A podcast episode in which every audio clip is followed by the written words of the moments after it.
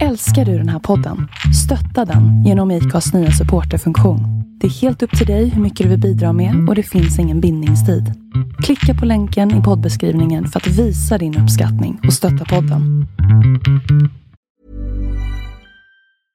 Imagine the softest sheets you've ever felt. Now imagine them getting even softer over time. That's what you'll feel with Bowl and Branch's organic cotton sheets. In a recent customer survey, 96% replied that Bowl and Branch sheets get softer with every wash. Start getting your best night's sleep in these sheets that get softer and softer for years to come. Try their sheets with a 30-night guarantee. Plus, get 15% off your first order at bowlandbranch.com. Code BUTTERY. Exclusions apply. See site for details.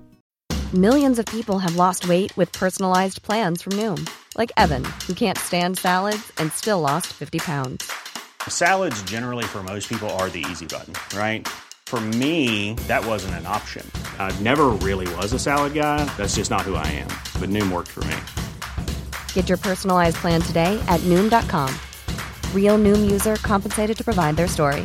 In four weeks, the typical Noom user can expect to lose one to two pounds per week. Individual results may vary.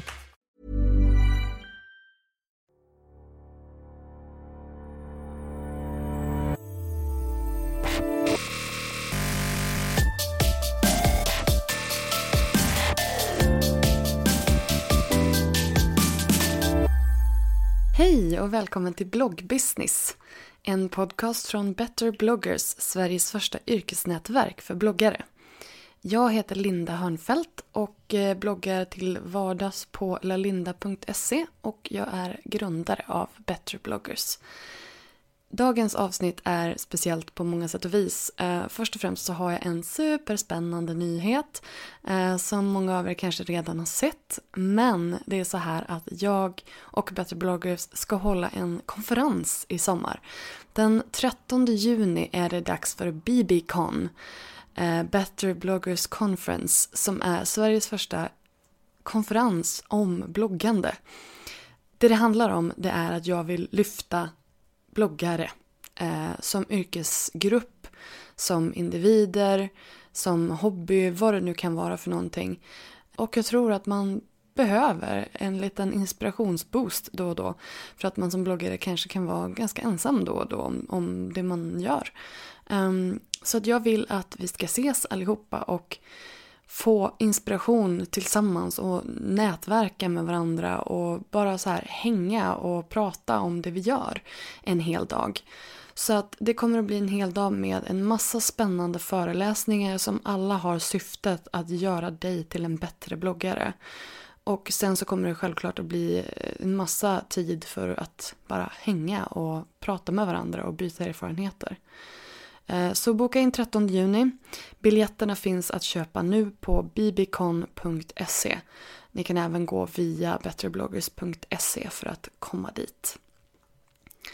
Dagens gäst är Sandra Beijer, eh, bloggare på 9 till 5. Hon har bloggat sedan 2005 och jag har läst hennes blogg ungefär så länge. Om det finns någonting som heter bloggidol, då är Sandra det för mig. Så att eh, när hon tackade ja till den här intervjun så kan jag ha gjort en liten glad dans här i mitt vardagsrum. Och eh, jag är bara, det var så himla trevligt att träffa henne och ni vet hur det kan vara när man träffar någon som man har liksom beundrat eller sett upp till eller följt länge på avstånd. Det låter som en riktig stalker, vilket jag kanske är, man vet aldrig. Um, I alla fall så, du vet att man kan vara ganska så nervös för att man alltså man vet ju aldrig, den här personen kanske inte alls är så som man har målat upp den och vara. Så att, ja, jag skulle erkänna att jag var lite nervös för att typ bli besviken, vilket låter jätteelakt. Ehm, men jag kan glädja er alla med att säga att jag blev inte det minsta besviken. Sandra är en helt ljuvlig person och har så mycket smartheter att eh, berätta. Så att uh, jag ska inte hålla er på halster längre utan här kommer min intervju med Sandra Beijer.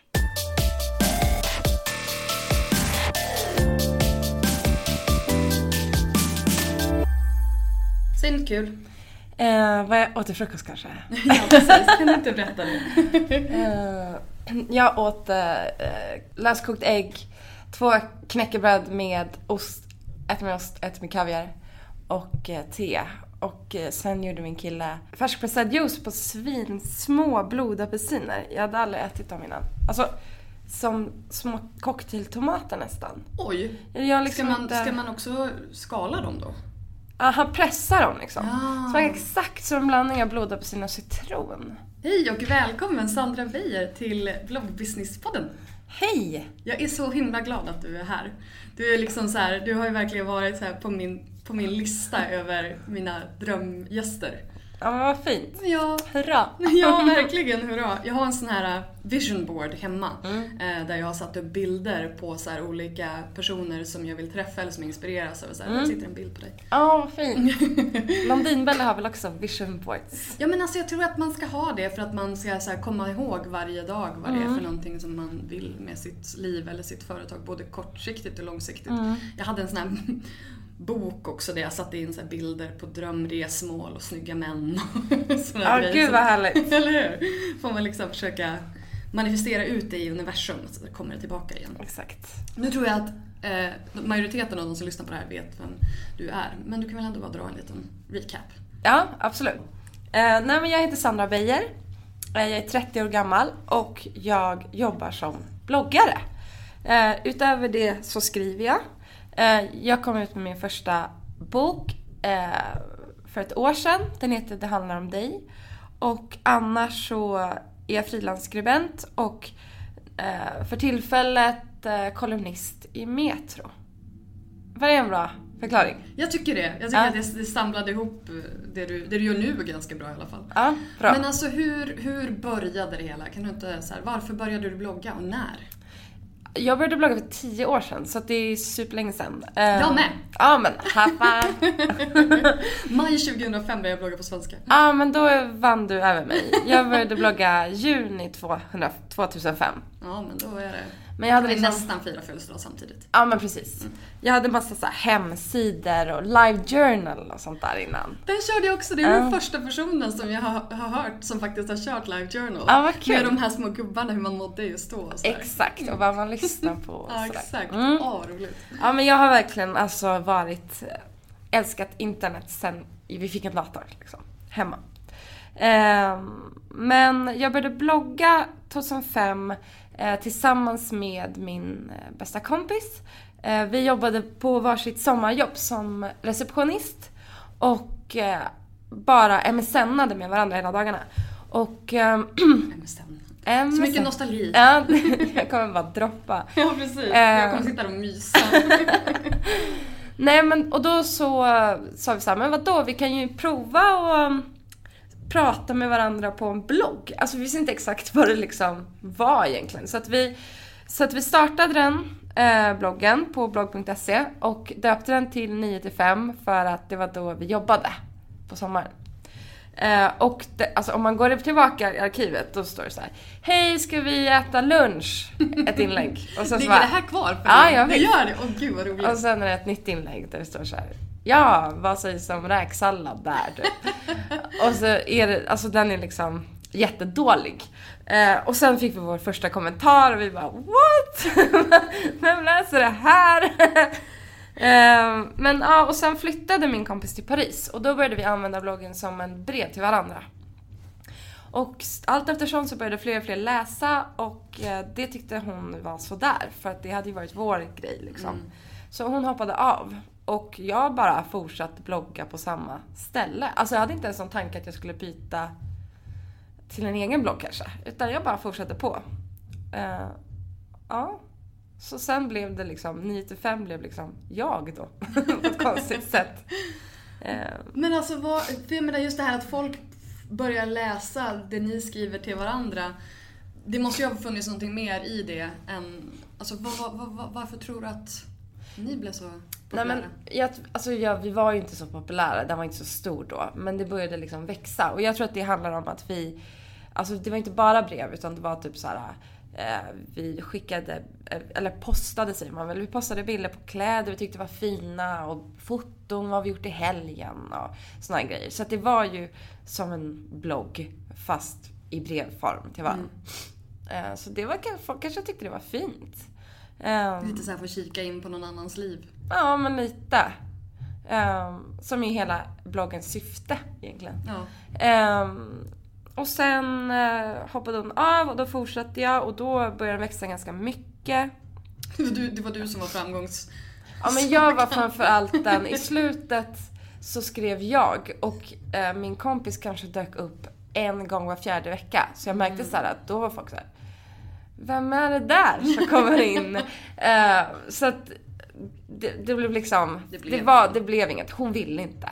Eh, och sen runt 2007 tror jag det var. Då blev jag kontaktad av Tjejsajten. Som är Devote nu. Mm.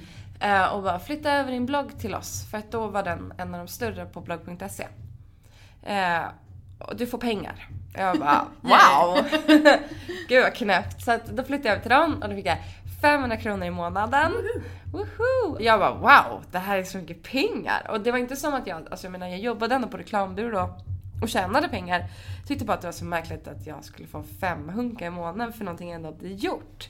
Eh, men i efterhand förstår jag att det var inga pengar alls. Eh, sen var jag där i två år tror jag.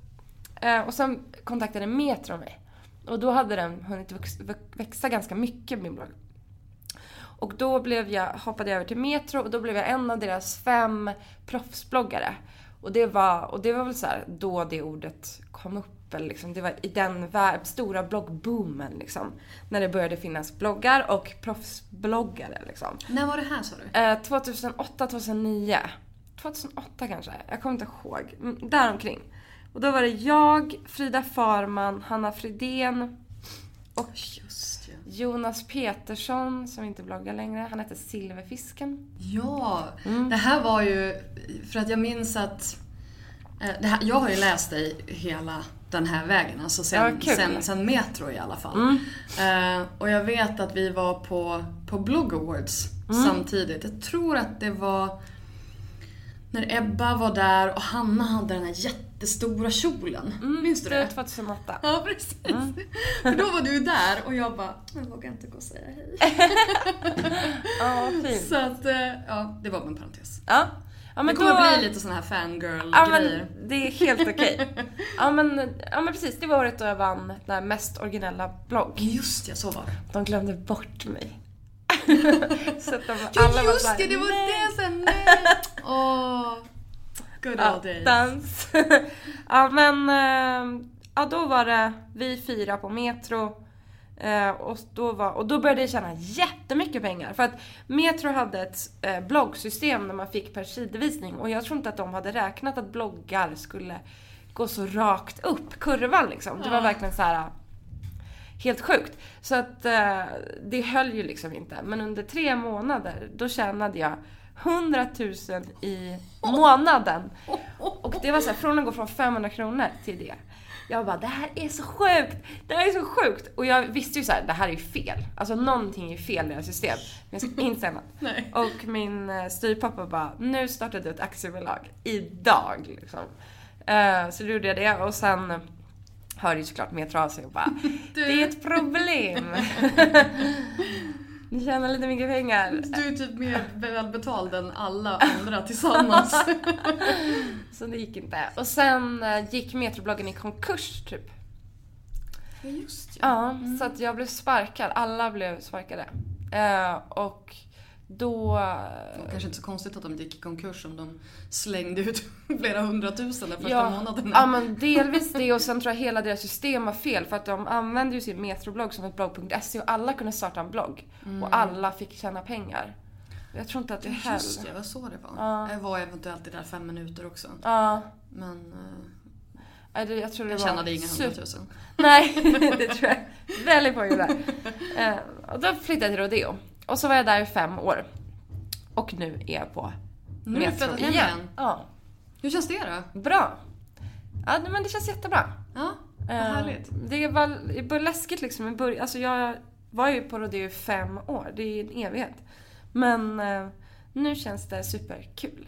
Och det, är, det, är det andra tekniska verktyg också eller är det... Ja, alltså det är en helt nytt. Okej, jag Det förstår. finns inte ett spår kvar av Metrobloggen. Så det är väldigt skönt.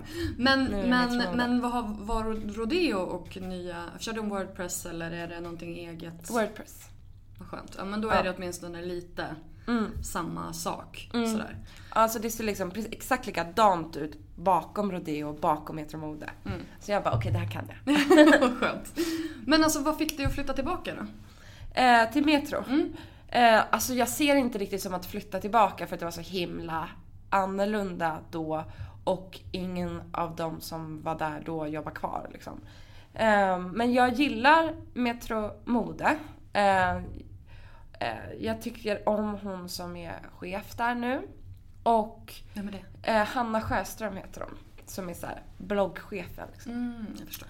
Ehm, och sen tycker jag om Metro, jag tycker att det är, liksom, det är bra att vara, om man nu ska vara på en tidning, så är Metro ganska objektiv liksom. Alltså, de står inte för någonting som kan fläckas av på mig, om du förstår. Ja, jag förstår. Det är nyheter liksom, Ja men främst. exakt. Mm. Och sen tycker jag att de är, det är visuellt snyggt liksom, deras blogg. Ehm, Faktiskt. Mm. Det är väldigt många bloggportaler som liksom lusar ned sina sidor med Ja. annonser. Ja. Speciellt de som är överallt och ibland så går det inte ens att scrolla förbi dem. Jag sitter på en 11 tum och liksom halva skärmen tas upp av en annons när jag vill läsa en bloggare som har jättemycket fina bilder. Det sabbar ju hela upplevelsen. Så att sånt är ju jätteviktigt. Och nu med de här nya bannerserna också så har ju Metro blivit jättefint. Ja men jag tycker också det. Jag tycker det är superviktigt. Ja, gud ja. Speciellt för jag menar du, din blogg är ju väldigt så visuellt driven. Du tar väldigt mycket fina bilder och sådär så de måste ju få komma till sin rätt. Ja men precis, man vill ju att det ska kännas som man tänker att det ska kännas. Precis. Ja. Men hur kände du att din blogg har förändrats från, från fluga på väggen, prata med, om lunch med kompisen, tills nu? Ja men det är jätte... Den har förändrats jättemycket. Alltså också Obviously. ålders... Ja.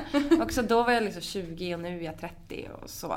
Eh, men nu liksom, då var det en blogg. Alltså nu är det liksom mitt liv på något vis. Och ehm, bloggen har ju tillfört så himla mycket för mig. Och eh, är någonting som jag tänker på dygnet runt. Ehm, och det trodde jag aldrig att det skulle bli så.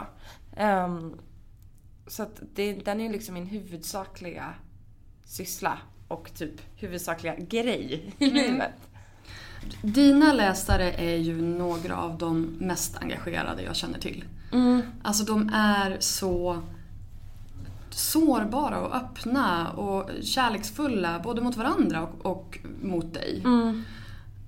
Jag har inte uppfattat som att du får speciellt mycket liksom, elaka kommentarer eller sånt.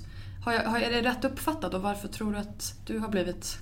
Nej men varför du har det... sådana läsare liksom? Ja, nej men det är ju rätt. Eller liksom, jag får ingen näthat. Och det är klart att det kommer in någon elak kommentar här och där. Men alltså de, alltså det är kanske en promille av. ehm, det är fantastiskt tycker jag. Ehm, och det är klart att jag får så konstruktiv kritik och sånt. Men det tycker inte jag, det är bara bra. Ehm, jag vet inte varför det har varit så, eller varför det är så. Jag, jag kan tänka mig att det har med att göra med att jag själv är ganska personlig och kan tendera till att bli liksom privat i bloggen. Um, och det tror jag att man känner av. Alltså jag känner av i alla fall när jag läser bloggar om jag känner att den här personen är på riktigt eller inte. Um, och det är jag verkligen. Alltså jag ljuger inte. Eh, Jag är världsdålig på det. Eh, Och är jag ledsen så skriver jag att jag är ledsen. Eh, Och så. Och Det tror jag gör att de förstår att jag känner att det här är en trygg zon. Och då kan de också vara trygga där liksom. Känner du någonsin att det blir, för det, kan, det måste ju lägga ganska mycket press på dig. Alltså känner du någonsin det? För att alltså, jag tänker just det här att, att de är så, ber dig om hjälp eller att de lyfter mycket, pratar om kärlek. eh, Speciellt nu efter boken kom ut. Det är många unga personer som, som vänder sig till dig för att få råd. Hur, hur hanterar du det? För du kan ju inte hinna, hinna svara på allt, allt det liksom. Nej, alltså jag försöker svara på nästan allt. Men är det så långa romanfrågor då... Det hinner jag inte. Nej. Eh, men alltså jag tycker att det är så fint att de gör det. Och jag tror också att de gör det, för jag är ju inte utbildad psykolog på ett något sätt eller så. Utan det är ju mer, jag märker ju att oftast handlar det inte om att ha ett, liksom, att få ett riktigt svar utan mer att få medhåll. Och höra att någon annan kanske har varit med om samma sak och att eh, man inte är ensam med sitt problem. Var det, var det, var det ett svar på din fråga? Ja, men jag tror det. Jag tror det. Alltså, jag, jag är bara så himla... Eh, jag blir så tagen av många kommentarer hos Ja, dig. de är så fina. Ja, men de är så himla fina och de är som så... De, du är deras kompis liksom. Skål! Ja. Du, du, har, du har hittat den där platsen då du... Du har ju verkligen, verkligen blivit vän med dina läsare. Eller de har blivit vän med dig. Ja, nej, men jag känner ju så också. Alltså jag älskar dem. Men känner du att det är det mycket samma personer som kommer tillbaka? Har du koll på dina, på dina läsare? Mm, jag har koll på... på eh, de- Var det någon som precis gick förbi? Ja. Det var Vi det. är på fjärde våningen och det går förbi en person utanför fönstret de håller på att bygga här. Men man blir lite... Ja, så förvirrande. blir lite förvirrad. Förlåt. Carry on. Vad var frågan? Eh, Eh, vad var den? Jo, om jag känner igen kommentarer? ja, precis. Ja, eller läsare. Alltså jag känner igen eh, många kommentarer. Alltså, ehm, för att många är återkommande. Och jag har lärt mig deras språk. Alltså man jag skulle kunna gissa tror jag, om någon läser en kommentar. Hade jag kunnat säga så här, om det där är Lovisa. Typ. Eller det, känner du dem i verkligheten då? Är det kompisar till dig eller Nej. är det bara läsare? Nej, utan jag har liksom lärt mig deras språk. Eh, men eh, så många kommentarer, känner, kommentatorer Mm. känner jag. Eh, och sen nu när jag så här, har varit mycket ute och pratat för, med boken så har ju, är det ju tjejer som kommer varje gång. Liksom. Åh, vad gulligt. det är jättefint. Och de känner jag ju också igen Mm. nu. Liksom. Alltså du har ju verkligen tagit steget från bara så här bloggare till kändis. Ja, tycker du? Ja men äh, nu, jag har ju känt till det väldigt länge men jag tycker ändå det i och med att Alltså du måste ju verkligen bli så här igenkänd på gatan och så hela tiden. Jag vet inte. Alltså, kanske. Men jag tror inte jämt. Men det är snarare så här, jag blir igenkänd på vissa platser som på typ Way Out West eller Propaganda. eller någonstans där det är mycket tonåringar. Men, är det de eh, som läser dig mest? Ja men tjej, unga tjejer liksom. Ja, det tror jag. Det är, ock- det är också de som kommer fram framförallt. Det är svårt att... Det går ju inte att Google Analytics kolla på ålder, i alla fall inte vad jag vet. Jag tror att man kan göra det nu faktiskt. Ja. Man måste aktivera något demografifilter. Ja, men då ska jag kolla det. Men man, det är i alla fall de som tenderar att kommentera och komma fram och säga hej och ta selfie och sådär. Eh, alltså jag ser mig verkligen fortfarande som en internetkändis i så fall. Eh, men i och med att jag gör andra saker nu utöver bloggen som kanske är offentliga. Eh, så är jag ju såklart lite mer känd än innan jag gjorde det. Men sen tycker jag, i och med att det är så mycket unga tjejer främst som du säger som läser. Känner du, känner du dig som en förebild och hur tänker du kring det? Eh, nej, alltså inte som en förebild, men jag försöker att tänka på att det är många unga tjejer som ser upp till mig. Eh, att vara till exempel öppet, öppen feminist och att kanske vara politisk, framförallt när det är val. Eh, ta avstånd från Sverigedemokraterna eller whatever, vad som känns fel. Eh, det tycker jag att man bör göra när man har en så stor plattform eh, och eh, har möjlighet att påverka åt rätt håll. Men sen är det så här, jätteviktigt för mig, det känns som att det här var mer förut för typ 4-5 år sedan. Men då var det ju så här att man var så perfekt hela tiden. Och att det var liksom den grejen ehm, tycker jag är väldigt skönt att den är över. För att ingen, alltså det är ju det som Du är det fina. är det? Ja men mer eller mindre. Alltså jag kunde känna så här. När, när min blogg var som eh, Eh, gulligast med så här kaniner och rosetter och cupcakes och jag och underbara Klara var så här eh, höll någon slags fana som eh, 50-talsidealet. Då var det som att eh, vi fick jättekonstig kritik både av så här, tidningar och bloggare om att vi skulle vara så himla perfekta hela tiden. Och det tyckte jag var väldigt märkligt för att det sista vi var var väl just det. Just för att vi var väldigt tydliga med att vi var arga eller ledsna eller hade en dålig dag eller sådär. Men hade bra kameror och gillade Exakt. att klä oss. Liksom. Exakt, jag tror att det är det att de tittar på bilderna Ja. och så sen så läser de inte vad ni har skrivit och så sen kritiserar de utifrån det. Ja, Ska man behöva ta dåliga bilder för att ha en dålig dag? Alltså, Ja men precis. Och det känns som att det håller på att försvinna. Alltså, eller har varit över ett tag. Att folk även läser text, alltså är bättre på att få en hel bild. Alltså kanske jag eh, svamlar nu. Men, det är helt... eh, men eh, jag känner i alla fall att, att det gör att det är mycket enklare att säga att man inte på något vis Vänta, jag måste, jag måste formulera rätt. Så som klimatet är nu så känner jag att de som läser mig vet att det är ups and downs och att det också är en riktig person bakom.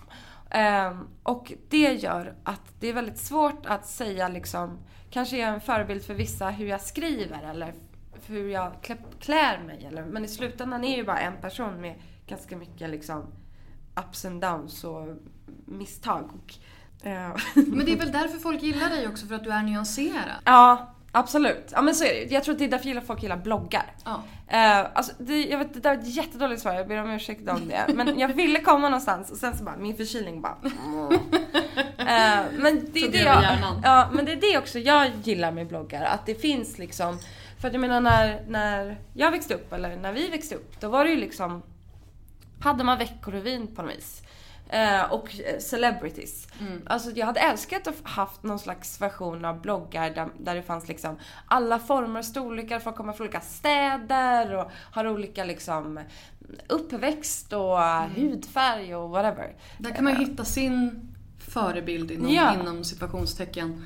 Ehm, eftersom att det finns många fler att se till. Och som är Ja, lite mer verkligen. mänskliga, eller vad man Ja. ska säga. Som är lite mer, lite lägre ambitionsnivå än, än kändisar som inte visar sig om de inte är, Ja, men klädda till tänderna. exakt, exakt. Och det är därför jag kan känna att så här, förebild är ett svårt ord. För att för mig eh, krävs det på något vis att man ska checka av alla punkter, eller vad man ska säga.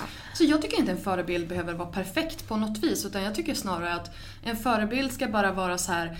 Jag pratade med det, om, om det här tidigare med, med en person, just det här att har man en stor blogg, rör man sig i det offentliga rummet, då måste man ju ändå någonstans acceptera att man blir en förebild, vare sig man vill eller inte. Man kan inte säga att ja, men jag har aldrig velat bli en förebild. Ja, fast du är ju det och du, du, du har ju valt att finnas i en sån i ett sånt rum där väldigt många kan komma åt det du säger och skriver och sådär. Så att då kanske man har ett ansvar som människa liksom. Ehm, att, att bete sig respektfullt baserat på det ansvar man har fått. Även om man inte har bett om det. Du vad jag Absolut. menar? Ja, ja, men jag håller helt med. Och det är det jag menar med att liksom vara öppen med, alltså kan man lyfta en feministisk fråga när det är val så kanske man ska göra det om man känner att man brinner för det. Liksom att våga, att våga stå för åsikter som kanske inte alla har. Det tror jag är viktigt med en stor plattform. Du är ju som, det som vi har sagt tidigare, du är väldigt öppen och väldigt sårbar, ärlig vad man ska säga. Du har varit väldigt genom liksom, de senaste åren, du har haft liksom, svårt med separation och sådär och du har varit väldigt ärlig om det. K- Känner du att det kanske har... Har du känt att du har gjort det för att du måste eller har du känt att du kanske har fått stöd genom det eller hur har du tänkt där när du går igenom jobbiga saker? Alltså framförallt är jag väldigt glad för att jag har gjort det. Jag hade nog inte kunnat göra det på ett annat sätt. Eh, om vi till exempel tar eh, när mitt ex gjorde slut med mig. Eh, för det var så här, jag tror att att vara öppen med det på bloggen hjälpte mig jättemycket. Eh, det var jätteskönt att, att bara, nej, nu släpper jag det här, nu ska jag bara öppna upp mina feelings liksom. Eh, och det blev liksom, de blev som en liten armé med mig liksom. Jag tyckte det var fantastiskt och jag fick så mycket tips på böcker jag skulle läsa, låtar jag skulle lyssna på, saker jag skulle tänka på. Det var som att få hundra nya kompisar liksom. Eh, och sen var det också väldigt terapeutiskt att få skriva av sig liksom. Eh, det tycker jag. Och jag känner också att jag hittade på något vis någon också språklig ton i mig själv genom att vara sådär personlig märkte jag att det inte är läskigt att vara det. Utan ju mer personlig och nästan privat man är, desto mer får man bara tillbaka av eh, människor. Var, jag har aldrig fått en kniv i sidan, någon som har försökt trycka ner mig för att de vet så mycket om mig. Utan det var snarare precis tvärtom. Så det kan jag verkligen rekommendera. Ja, ja, men jag har också gjort det. Jag har ju som sagt också bloggat väldigt länge och gått igenom depressioner och sådana saker. Mm. Som jag också har varit väldigt öppen med. Och då har folk...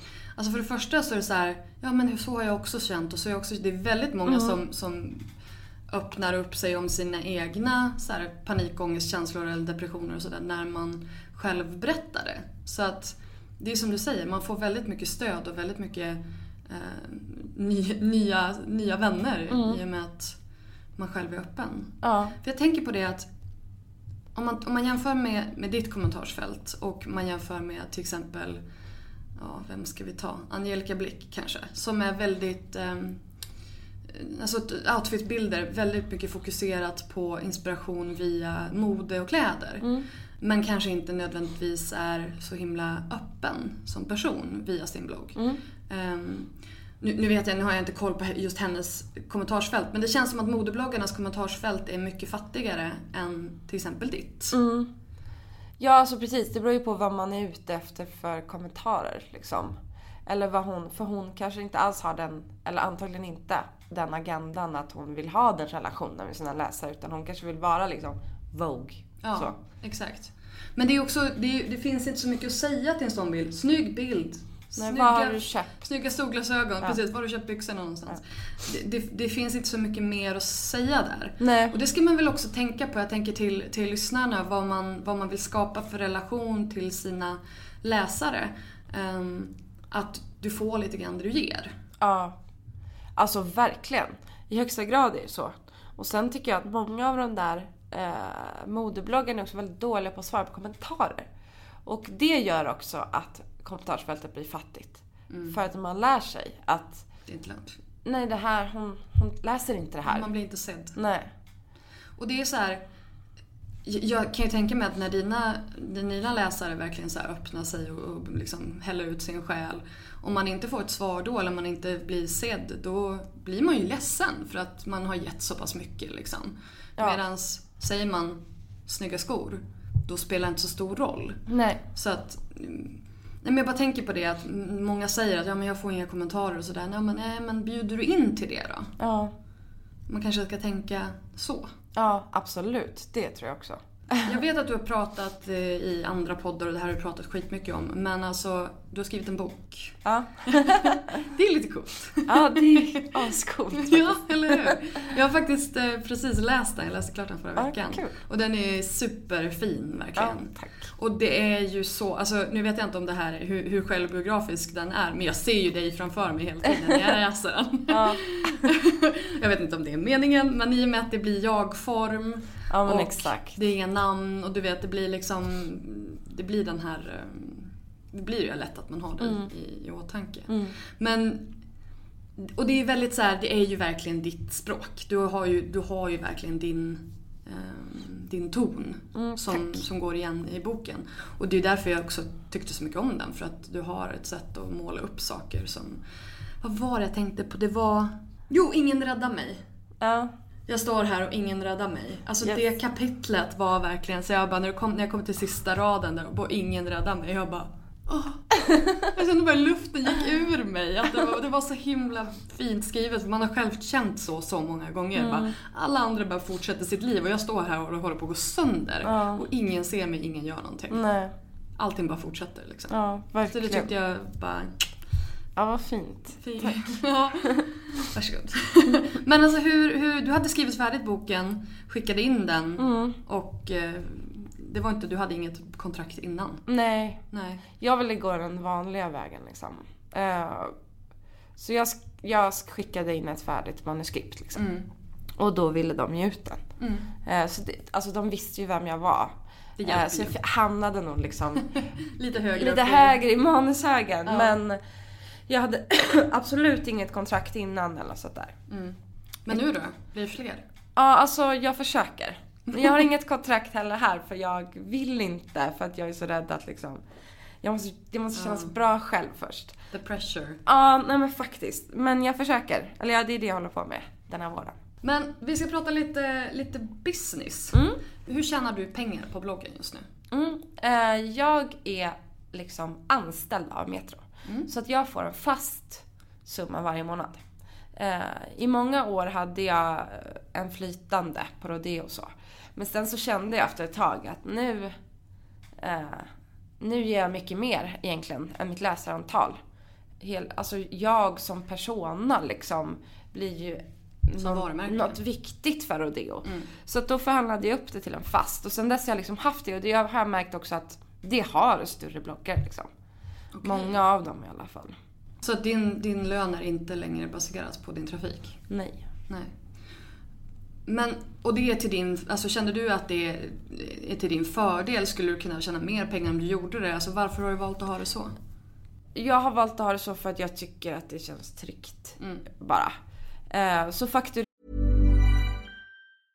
Imagine the softest sheets you've ever felt. Now imagine them getting even softer over time. That's what you'll feel with Bowl and Branch's organic cotton sheets. In a recent customer survey, 96% replied that Bowl and Branch sheets get softer with every wash. Start getting your best night's sleep in these sheets that get softer and softer for years to come. Try their sheets with a 30-night guarantee. Plus, get 15% off your first order at bowlandbranch.com. Code BUTTERY. Exclusions apply. See site for details. Hiring for your small business? If you're not looking for professionals on LinkedIn, you're looking in the wrong place. That's like looking for your car keys in a fish tank. LinkedIn helps you hire professionals you can't find anywhere else, even those who aren't actively searching for a new job but might be open to the perfect role. In a given month, over 70% of LinkedIn users don't even visit other leading job sites. So start looking in the right place. With LinkedIn, you can hire professionals like a professional. Post your free job on linkedin.com/people slash people today. Since 2013, Bombas has donated over 100 million socks, underwear, and t shirts to those facing homelessness. If we counted those on air, this ad would last over 1,157 days. But if we counted the time it takes to make a donation possible, it would take just a few clicks. Because every time you make a purchase, Bombas donates an item to someone who needs it. Go to bombas.com slash ACAST and use code ACAST for 20% off your first purchase. That's bombas.com slash ACAST, code ACAST. Fakturerar jag varje månad liksom. Och sen så blir det mer om jag gör samarbeten liksom. Så att de läggs på. Gör du dem via, via Metro då? Ja, de som det säljer jag. Mm. in dem? Du gör ingenting utanför det som du liksom... Nej, för mitt kontrakt ser inte ut så. Det måste alltid gå via Metro. Okej, eller. Rodeo innan. Ja. Eh, ibland har jag Instagram-samarbeten. Mm. Och då är det bara jag liksom. Men eh, annars går det alltid via Metro. Hur mycket besökare har du nu? Vet du det? Alltså jag är jättedålig på statistik. Men jag Det tror... är så roligt man kommer över en viss gräns. Då är det så här, jag vet inte, kolla inte längre. Ja, nej men jag vet att liksom Metro är jättenöjda. Men alltså, jag tror, jag vet att det är runt en miljon sidvisningar i månaden runt. Wow. Men jag vet inte, men annars, jag, jag tycker att Google Analytics är jätteförvirrande.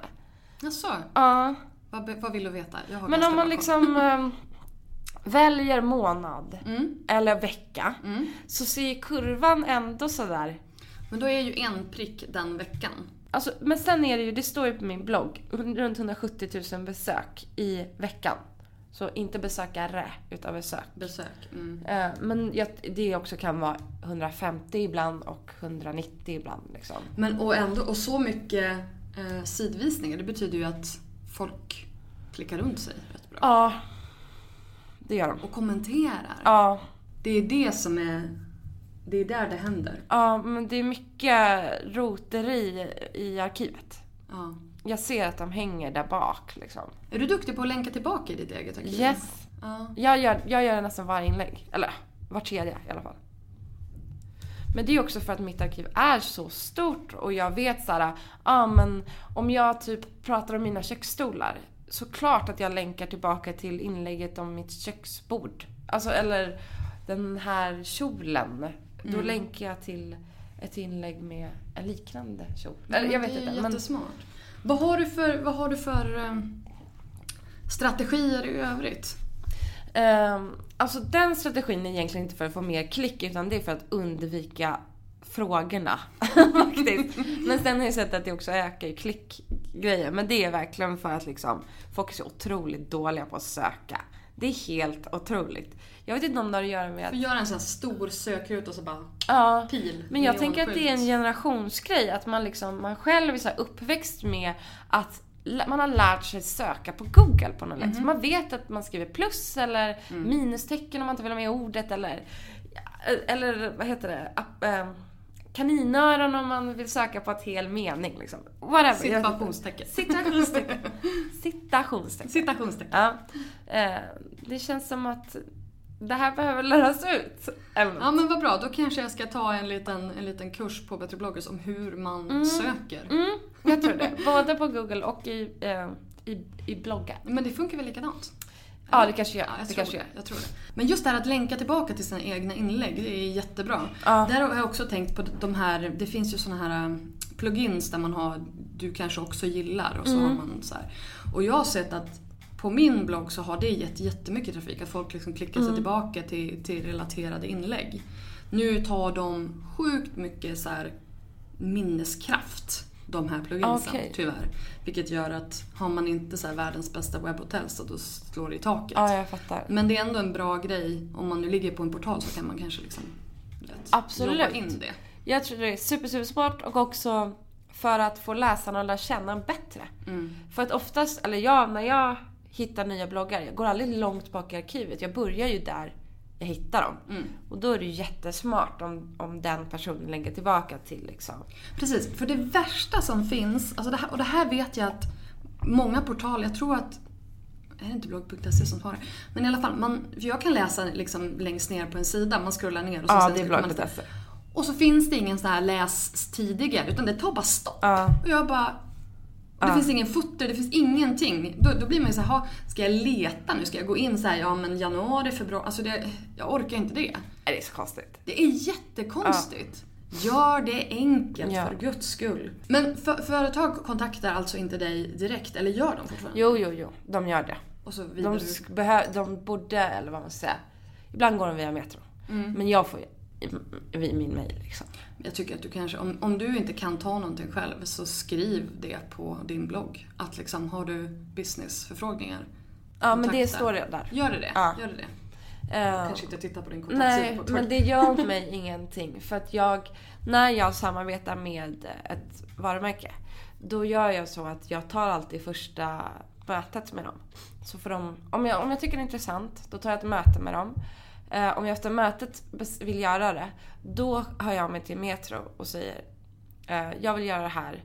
Eh, ni dealar fram ett pris Mm. eh, åt mig. Och eh, jag vill göra så här många blogginlägg eh, och så här många Instagram om det här. Ja, precis. Hur kan ett samarbete se ut? Det brukar vara, alltså jag, jag är ganska tydlig med att jag absolut inte vill göra mer än två, tre blogginlägg. Eh, och att varje blogginlägg ska ha en eh, idé och en poäng. Och vara intressant för läsarna och inte kännas som spam. Så när jag träffar ett, eh, ett företag eller framförallt en reklambyrå eller en PR-byrå. Då, försöker, då sitter vi oftast tillsammans och idéer. Så att det ska matcha och passa min blogg och mina läsare. Helt enkelt. Så jag försöker liksom också, jag vill gärna att de ska bli aktiverade. Och eh, kanske vinna något eller känna att det ger dem något eller ja men någonting som gör att de inte ser det här som bara reklam utan även också som innehåll. Ja, och hur, hur tänker du med, för jag tänker på så här marknadsföringslagen och sånt där. Hur tänker du där? Eh, alltså, jag kan ju den någorlunda bra i och med att jag har jobbat som copywriter så länge. Eh, och också bloggare. Men jag är jättetydlig med när saker är samarbeten. Alltså det står att det är ett samarbete.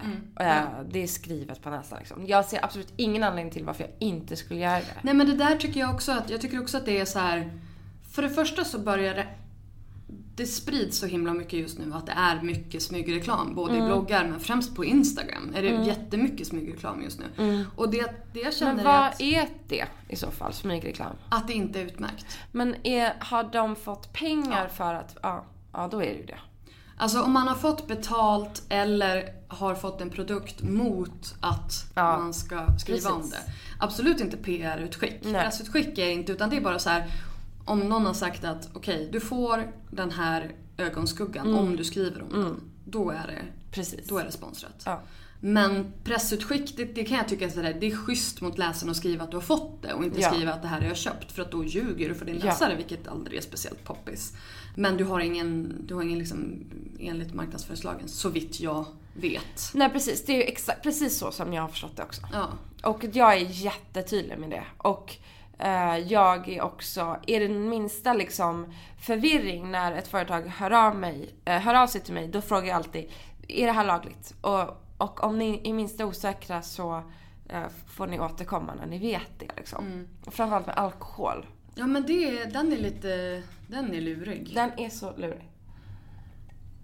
Jag sitter och funderar på om jag vet, jag har faktiskt inte koll på det. För jag har aldrig fått, Det, jag har jag, aldrig är- fått det, jag har bara fått pressutskick, alkohol. Jag har aldrig fått mot liksom betalning. Nej, Och är det pressutskick, är det, tar man bild liksom på ett glas vin man dricker, då får man väl göra det som ja det är okej. Det Jag är bara, okej. Ja men det får du. jag får, är du får lära okej. mig om alkohollagen. Nej men det är helt okej. Men nya lagar sedan efter årsskiftet.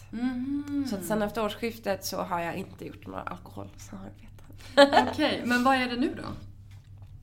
Det är jätte, jättesvårt. Ehm, jag har inte riktigt förstått det själv men jag tror att det först handlar om att man måste göra någon slags genomsnittlig ålders... Alltså de måste vara en genomsnittlig, viss, över en viss ålder. Mina Ja, annars så måste man ha den här, jag är 18 år. Exakt. Ah. Och sen är det också någonting med äh, dricka på bild. Liksom. Att man kanske inte får det. Så att det är jätte... Jag har Hur många champagneglas jag har i min Ja. blogg. Ja men det är ju, det är ju för det är, ingen, det är inget samarbete då. Men Nej, nej. eh, det har nog gjort att det kommer att bli ganska svårt tror jag. Jag tror att... Suputen, nu kände jag. Nej, men, hur många champagneglas? Jag bara sitter och dricker champagne nej men jag med. Det Eh, är så gott. jag tror inte att vi kommer se några så mycket alkoholsamarbeten längre Nej. i bloggvärlden. Eh, Jag pratade med, på eventet jag hade igår så pratade vi om just det där att, att eh, lagar versus, alltså vilka lagar man som finns och vilka man, vad man borde följa och hur man borde göra och sådär. Och, och, det- och det jag sa och det jag som har kommit fram till att om man bryter mot marknadsföringslagen, den som kan åka dit rent lagligt det är ju varumärket. Men så du som bloggare har väl egentligen ingen sån här Alltså att du skulle få någon böter eller någonting, det tror jag inte är så jättestor risk. Men det, den största valutan man har som bloggare är ju sina läsare. Så att man vill ju aldrig kompromissa deras förtroende. Nej. Och det tycker jag det, det är liksom det man ska tänka på först och främst. Så här, Ja. Är det här schysst mot den som läser? Är det tydligt? Och att man inte ska vilja lura på sina läsare någonting utan att man ska kunna ge ett värde till dem. Ja. Alltså jag känner ju att fortsätter folk att smyga med sina samarbeten så kommer den här världen dö ut. Eller hur? Därför att det som är som skiljer, eller som jag sa innan, det som skiljer liksom tidningar mot bloggar det är äktheten. Att det är riktiga människor bakom med riktiga liv. Om de då börjar låtsas mm, liksom med vad, de nu, vad det nu skulle vara, bo på olika hotell och säga att man har råd med det fast man inte har det. Eller jag vet inte vad det skulle vara. Eh, då, då, då kommer läsarna försvinna för att folk är smarta liksom. Eller hur? Folk, folk hänger ju med i sin tid. Det är Ja. inte som att det där är någonting som, man kom, som kommer att hålla. Och, och jag tänker också att vi, vi befinner oss i en tid då bloggarna har ju tagit väldigt mycket av tidningsläsarna. Alltså mode, inredning, vad det nu kan vara för någonting så, så läser man bloggar istället för att köpa tidningar. Men skillnaden däremellan är ju att en journalist ska ju vara objektiv och en bloggare är ju subjektiv. Det är ju hela framgången med, med bloggen. Men vad händer då där om man börjar sälja reklam? Alltså det finns ju en anledning till att en tidning har annonsavdelningen och journalisterna separerar, eller bör ha det i alla fall för att pressetiken ska hålla. Liksom.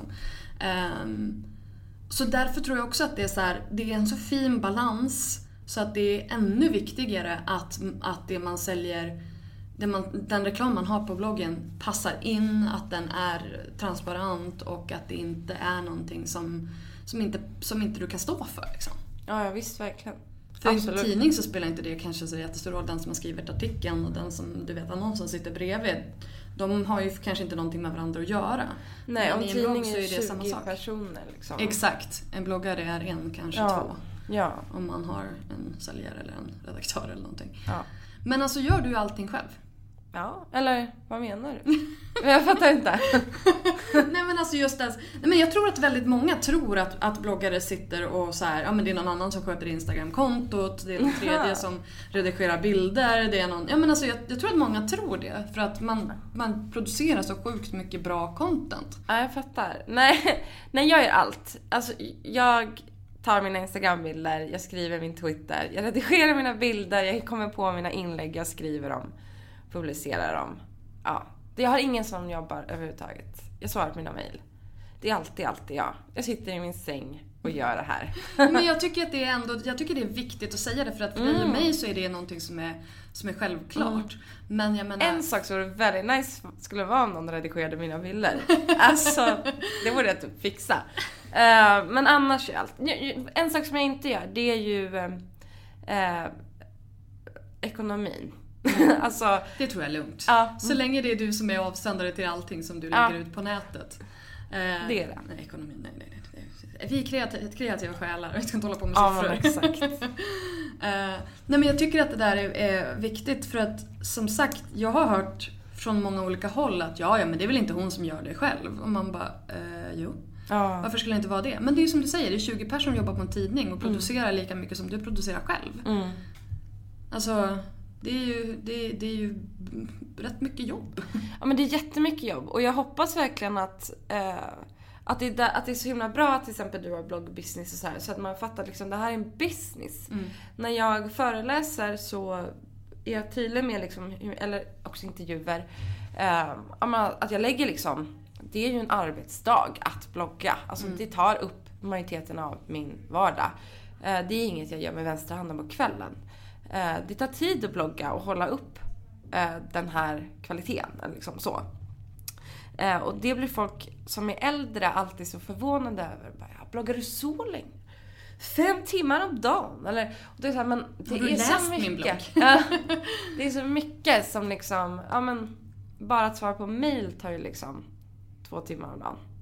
Ja, så jag hoppas verkligen, alltså det är positivt tänker jag, när folk tror att, man, att flera jobbar med det. Jag tänker att jag För jämför det med konståkning. Det ser så enkelt ut, men det är skitsvårt. men ja, jag tycker att det är ett bra exempel. Ja, verkligen. Hur, mycket, hur lägger du upp dina dagar?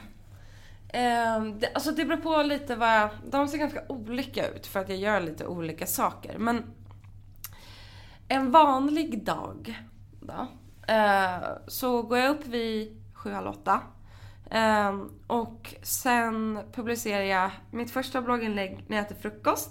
Och det har jag gjort dagen innan, liksom skirrat det. Ehm, och sen gör jag mig i ordning och så går jag till ett café. Och så sitter jag där och jobbar eh, fram till lunch. Och då svarar jag på mail, eh, redigerar bilder, eh, om jag har tagit foton, vilket jag antagligen har tagit. och ehm, liksom jobbar på tre, fyra inlägg samtidigt. Ehm, jag skriv, har en lista alltid på min dator med en två veckors period vad jag ska blogga om. Du planerar. Ja. Du, är, du, du är lite en udda fågel där. Är det så? Faktiskt. Ja, okej. De flesta kommer på sina inlägg dagen innan. Ja, okej. Nej, jag vet. Bra. Eh, jag vet hela nästa vecka. Ja, för du lägger också upp dina, alltså så här, gör du någonting på fredagen då kan du lägga upp det veckan efter. För det var någon som sa så här, ja men om jag gör någonting du vet, på onsdagen, då känns ju det som att det är old news på måndagen. Och jag tycker inte det. Nej. Det beror helt på hur man lägger upp det. Jag tycker inte att det behöver vara realtid utan Alltså Instagram är realtid, Ja. typ. Kan kanske lägga upp dagen efter och så sen kanske man puffar för ett blogginlägg. Men, men jag, tänkte, jag tänkte på din blogg när den personen sa det. Jag bara, nej men alltså jag tycker det Jag tycker inte att det stör alls. Nej, och alltså det hade inte gått på något annat sätt. Ska jag gå på fest och sen vakna bakis och bara "Ah, redigera bilder för att det är old news imorgon. Nej, men då vill jag hellre lägga ner tid och göra fotona fina och så här. Och sen äter jag lunch och sen på eftermiddagen eh, så om jag har något skrivjobb så sitter jag och skriver en timma. Eh, och oftast brukar vi ha möten på eftermiddagen liksom, med olika personer. Som dig idag, eller något företag som vill samarbeta med mig, eller andra jobb jag gör utöver bloggen liksom, som är skrivjobb eller eh, medverkar i någonting. Ja. Men alltså vad, jag bara undrar så här, hur mycket pengar lägger du på kaffe och te i veckan när du sitter på kaféer? ja men ganska mycket. Alltså jag lägger nog... ja, det var mest en retorisk fråga. Men, Nej men jag måste vara intressant. Jag skulle säga att jag lägger ändå 300 kronor i veckan Mm. på kaffe.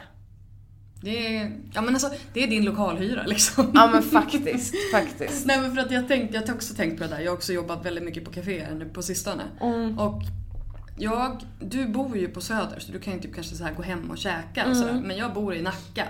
Så att åka in till stan och sätta mig på kaféer, då käkar jag ju lunch ute.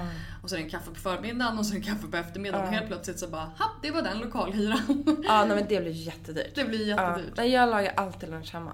Vad duktig du är. Ja. Vad tycker du är svårast med att blogga som jobb? Det svåraste är eh, att det har så låg status tycker jag. Eh, jag var på ett möte senast igår med en gubbe som skrattade och tyckte det var jättekonstigt att jag bloggade som yrke. Eh, när jag var författare. Liksom. Alltså, och då kände jag så här, men vad fan. Eh, liksom, du har ingen aning. Så det, det tycker jag nog är allra, allra jobbigast. Att, att man inte blir tagen på allvar för någonting som är eh, så himla... Alltså, alltså som du säger att liksom företagen fullkomligt drar i en. Liksom. Eh, det finns så mycket pengar och makt i den här branschen som sen ändå bara... Pff, liksom. Jag gjorde en undersökning som kom ut förra veckan där, det, där jag kom fram till att tre av fyra Tre av fyra bloggläsare i Sverige har köpt en produkt baserat på en bloggrekommendation. Det är ganska mycket pengar. Det, det, det är så mycket okunskap som, som står, står bakom det där. För Jag menar, en bloggares förtroende, eh, det, det går ju att jämställa med en kompis. Om Absolut. en kompis skulle rekommendera en produkt. Så jag menar, du sitter på 150 000 kompisar. Ja.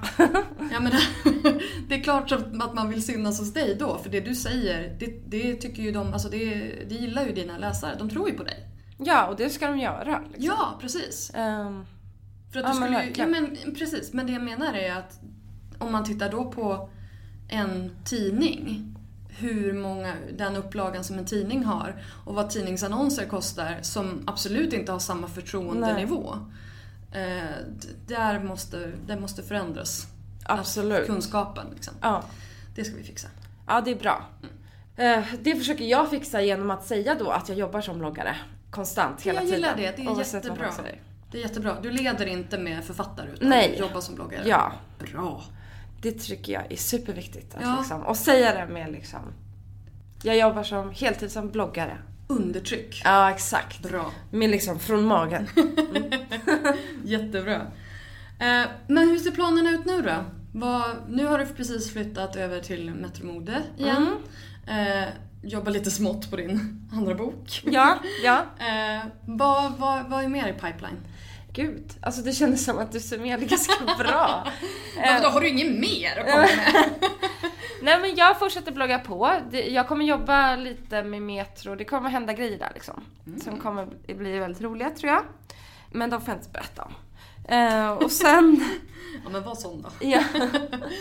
Och sen är väl målet att jag på något vis verkligen ska få klart den här boken och känna att liksom kanske få ge ut den. Det vore jättekul. Jag tycker det med. Ja, Är det en till ungdomsbok eller är det... Mm, jag tror det. Jag har inte bestämt mig. Den är 20 år, men det kan lika gärna vara en ungdomsbok ändå, tänker jag. Ja, vi får se. Jag ska eh, äta middag med min kompis Nina imorgon, för hon har läst den. Så hon ska säga vad hon tycker. Du har skrivit klart den? Ja, första utkastet är klart. Ooh. Så vi får se vad hon säger. Så det tycker jag är spännande. En helt ny bok eller en uppföljare? Nej, det är ny. ny. Det är, den här är mycket knappare. Men vi får se. Men sen är det lite andra skrivjobb. Jag har skrivit en novell som snart kommer ut. Jag får inte heller berätta mer om det. Alltså, det är det som är så tråkigt egentligen. Och det är därför jag säger ibland eh, när jag ehm, ser andra bloggare som gör så veckoscheman, det här ska jag göra i veckan. Det skulle bli så himla lökigt om jag gjorde det för att det är så mycket saker som är i framtiden som jag inte får berätta om. Och det, det töntigaste jag vet är så här, ska på hemligt möte, ska på hemligt möte. När bloggare skriver det, jag bara, mm, ska bara möte. Eh, och det skulle bara bli en massa med hemliga möten i mitt veckoschema. Så att därför gör jag ett inte sånt inlägg och se vad du får för reaktioner. Jag tror inte jag skulle få några reaktioner. Det skulle vara du som sitter där och cringear. Ja, nej. Men jag vill ju, alltså min framtidsplan för tillfället är ju liksom att verkligen fokusera på eh, textskrivande liksom. Det är så jag vill liksom, när folk tänker på mig så vill jag att de ska tänka på texten. Ja, men jag tror att du har kommit ett, ett eh, långt steg med det, med Ja, boken. Ja, Det är som jag, som jag skrev till dig i mitt första mail. Alltså din, din blogg för mig är lite så här sagovärld. Även fast du skriver väldigt äkta och ärligt och sådär så är det ändå... Du skriver så himla fint att det liksom sätter sig i hjärtetrakten ändå, oavsett vad du skriver om. ja vad fint sagt. Tack snälla. Jag kan ha snott retoriken från dig. ja, men jag känner det när jag har suttit och läst din blogg, typ eh, en kvart, 20 minuter, så ska jag skriva ett eget blogginlägg. Bara, då skriver jag, då bara härmar jag ditt, stil rakt av. Så är jag Men också. känner du inte det att du har så här influerat många bloggare i din stil? För jag känner också så här, många bloggare som jag läser nu, då är jag så här, hon skriver som Sandra. Ja, nej men absolut. Alltså jag vet att det är så. Men det, eh, så blir det ju. Alltså när man, alltså det är ju andra bloggare som influerat med andra ord. Eh, men jag vet ju att, jag tror inte att internet skulle vara så fullt med så här flott och tjusigt och himla fint om inte jag hade varit där. Nej, alltså det kanske låter as fånigt att säga, svara ja på den frågan. Men jag tror verkligen att det är så. Jag tycker har att du en- ska äga det. Ja, nej, men jag är nog ganska säker på det. Men det är ju bara jättekul, tycker jag. Vad skulle du vilja ge för tips till de som vill bli du? Eller de som... Blir jag? Vet. Klipp färg i håret. ja, exakt. Nej men de som vill ha din bloggkarriär. Alltså en slags liksom livsstilsblogg så. Nej, alltså snarare bara så här. Om man vill få bloggen att bli så populär, så stor som din och liksom följa dina fotspår. Vad ska Ja. man göra? Eh, Okej. Hmm. Eh, jag tror, nu tänker jag på vad jag skulle vilja läsa, vad jag tycker är kul att läsa också då. Men jag tror att det första är att införskaffa en bra kamera. Eh, och lära sig den och eh, fota din vardag. Eh, det tror jag är jätteviktigt. Och att eh, göra saker då på vardagen också. Alltså inte bara fota liksom en, en, en dag i skolan utan att ta med när det faktiskt händer någonting. Eh, för det är det som är kul att läsa om. Sen eh, så tror jag på att alltid vara ärlig. Eh, jag kan känna att många yngre bloggare eh, vill liksom put, fin, putsa i kanterna och eh, säga att de eh, typ har varit på ett hemligt möte. Och att det ska bli så himla spännande. Men jag tycker att det vore mycket, mycket roligare om de efter det hemliga mötet berättade att det känns så himla läskigt och hur ska det här gå? Och att man liksom berättar hur man känner och mår. För det kommer göra att din blogg växer tror jag. Eh, det kommer göra att, att man blir nyfiken när du öppnar upp dig. Eh, det är i alla fall en blogg som jag söker och skulle vilja läsa. Någon som eh, vill liksom, som försöker ja, men följa sina drömmar, vad det nu än kan vara, och är ärlig med att det är läskigt liksom. Och framförallt såklart, alltså vara lyhörd med kommentarerna. Jag tycker man verkligen ska försöka, alltså när folk skriver en kommentar är det ju för att de eh, eh, vill bli sedda och har någonting att säga. Och de har oftast så himla rätt. Alltså man märker ju att ja, men får, ett, får ett matinlägg dubbelt så många kommentarer som ett outfitinlägg, då kanske det är mat man är bra på. Liksom. Alltså att man liksom försöker tänka, man försöker lära sig att låta bloggen skapas utefter de som läser. Analysera. Ja, analysera skiten i dina kommentarer. Gör det jämt, för då kommer det bli bra. Det tror jag är det allra viktigaste egentligen. Ungefär så. Och blogga mycket, bara kör. Hur många gånger skriver du om dagen? Två. Eh, och en gång på lördagar och söndagar.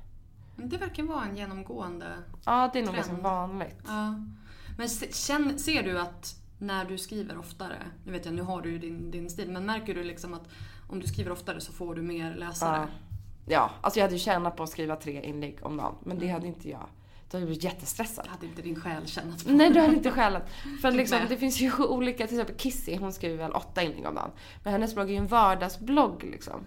Alltså jag menar, hon kan ju bara, hennes inlägg är ju, ah nu är jag och fikar. Och så bara, ah, okej. Det är mer som en mobil liksom. Eh, medan jag vill ju ändå ha en så här, någon idé, ett koncept kring eh, varje inlägg som kanske inte har att göra med den dagen som är just då. Eh, och då tror inte jag att jag skulle hinna liksom tre om dagen. Vad kände du att du skulle vilja se hos Better bloggers? Jag försöker tänka, alltså vad, vad jag tycker är allra, allra svårast det är ju vad man ska ta betalt liksom. Den enda som jag kan prata med om det, det är liksom underbara Klara. Vi är likvärdigt stora och har lika bloggar fast vi inte ens har det liksom. Och det, det är ju så, den här branschen är så Ni har suttit liten. ihop vid höften sedan Ja. 2009 Ja eller men det är typ så. Men nu så är våra bloggar jättestora. Väl jättestor skillnad från varandra. Mm. Eh, Har lite olika liv också. Ja, men framförallt det. Men eh, jag har ingen att fråga liksom. Jag Nej. vet inte. Fastän jag liksom har jobbat med reklam så vet jag inte vad man ska ta för pris. Jag skulle vilja se någon slags trappa eller någon så här, Eller kanske typ vad... Vad tjänar byråerna och varumärkena på det här? Hur stor del av kakan får bloggare? Liksom? Det är där det, är där det blir lite så här för att, att få den transparensen från dem. För att Mm. Ja, det är helt plötsligt så så här, nej men alltså vi kan inte säga till dig hur mycket vi tjänar på det här för då kommer ju du ta mycket mer betalt. Ja. Alltså jag känner, nu, nu målar jag upp reklambyråer som, som du vet djävulen. Men, men det blir ju lite så, alltså alla vill ju ha så mycket betalt som möjligt. Ja, alltså det finns ju ingen som är snäll. Liksom. Eh, och det är ju inte... Ja, men exakt. Nej, men det är ju inte jag. Ja, men jag är ju inte snäll mot dem heller. Alltså förstår? Fast liksom, jag vill ju ha så mycket betalt som möjligt. Alltså, det är Men det ska ju vara rättvist. Ja, ja, Alltså ja. jag har ju tagit fram en formel som jag har helt icke-vetenskaplig sådan. Mm. Men jag har ändå liksom försökt tänka hur man skulle kunna ta betalt. Och jag vet inte om det här skulle funka för din, för din är så sjukt stor så att folk skulle få betala så sjukt mycket pengar. Men, men det kan ju funka ändå. Ja, men, ja. nej, men jag tänker att det jag har tänkt på då det är att jag ehm, först och främst tänker man på hur mycket tid lägger man ner? Alltså Mm. rent konsultmässigt. Hur mycket tid tar det att producera det här inlägget beroende på vad det är för någonting du ska göra? Mm. DIY-projekt eller är det, ska du göra ett recept eller ska du göra en outfit eller vad det är för någonting. Mm. Så då kan ju det ta allt från liksom en halvtimme om du bara ska lägga upp en tävling eller ett, vad det nu är för någonting till ja, men 6-8 timmar om du ska bygga en stol. Inte vet Mm. jag. Ehm, och så sen så tar man betalt där som man gör som konsult. Mm. Vilket är kanske så, men fem, mellan 500 och 1500. Beroende på erfarenhet, um, varumärke, vet alla de Ja. grejerna. Eh, och sen lägger man på det så lägger man på trafikkostnaden. Och då kan man ju ta Alltså om jag- om man jämför med vad bannerannonser kostar och så sen så lägger man på ett par hundra CPM. Alltså CPM är precis. kost per mil, kost, Ja. kostnad per tusen visningar. Eh, och då kanske man kan ta ja, men 600-800 eh, för det. Och så får man liksom lägga på dem. Och det är därför också som jag har sagt, jag har ju en, en eh, bloggagentur som heter April Stockholm. Och jag har satt min gräns där på 10 000 unika i månaden. Därför att om du har mindre än det, det betyder inte att din, din blogg är dålig eller att du gör ett dåligt jobb. Utan det betyder bara att det inte är värt att, att lägga ner jobbet och sälja. Varken för mig som agent eller för, för bloggaren. För att det blir för lite pengar i slutändan om man Ja. går via den här formeln. Liksom. Så därför har jag satt den gränsen. Eh, bara för att ha någonting och så här att, att utgå ifrån. Och med den här formen så skulle du få sjukt bra betalt. Eh, men så att, och där måste man ju också tänka sig, ja, men vad, vad får man, kan man få någonting i gengäld? Får du någon exponering? Hur gärna vill man göra jobbet? Finns det eh, alltså varumärkes en varumärkesdel som är värd saker. Men det är ändå någon slags grund där man kan liksom börja med Ja men hela. precis. Precis, så, så, så tänker jag också. Rent tekniskt Ja, liksom. men sen tänker jag att liksom också för de större bloggarna så är det ju den här varumärkesbiten är ju nästan, blir nästan viktigast. För att då betalar ju också företaget för att jag ska floreras med det. Få använda ditt namn i sin Ja, marknadsföring. precis. Eh, och det är ju värt jättemycket för dem. Det är värt jättemycket också. Och då kanske man ska prata med typ Ja men alltså en agentur för en, Ja. för en kändis. Alltså Ja. för, en, för en vanlig kändis inom situationstecken. Ja. Eh, som gör liksom ambassadörskap av olika slag. Ja, det är en klurig värld. Det är en väldigt klurig värld och det är just det där att det är en helt ny person. Mm. För du gör liksom, du är ju redaktör och contentskapare och så är du ju kändis också. Så det blir verkligen, jo men alltså det blir ju en helt, du är en helt ny person i ett medielandskap som inte har funnits förut överhuvudtaget. Nej, det är verkligen sant. Så att eh, det är ju, vi får ju liksom men det är samtidigt lite kul för vi får ju skapa branschen. Vi får ju skapa, eller du mer än jag, men, men du, du får ju liksom bestämma lite själv och se vad som funkar. Det är läskigt men det är fortfarande kul. Ja. Att man kan ha den, den, det inflytandet på, på branschen. Liksom. Ja, gud. Precis. Jag tror bara man får vara sträng liksom. Mm. Man får ta det här tunga lasset nu.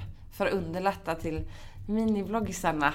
Alltså, det har varit helt fantastiskt att få prata med dig. Ja. Det här var riktigt, riktigt kul. Ja, bra. Tack detsamma. Ja, tack för att du Förlåt var om med. jag var lite förvirrad ibland.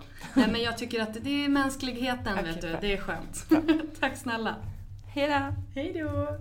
Du har precis hört ett avsnitt av Bloggbusiness, en podcast från Better bloggers. Podcasten hittar du såklart på iTunes och på bloggbusiness.se. Vi finns även på Facebook, på Twitter och på Instagram, at betterbloggers. Lämna gärna en kommentar med vad du tyckte om intervjun eller kanske lämna ett önskemål om en framtida gäst. Tack för att du har lyssnat. Ha det bra. Hej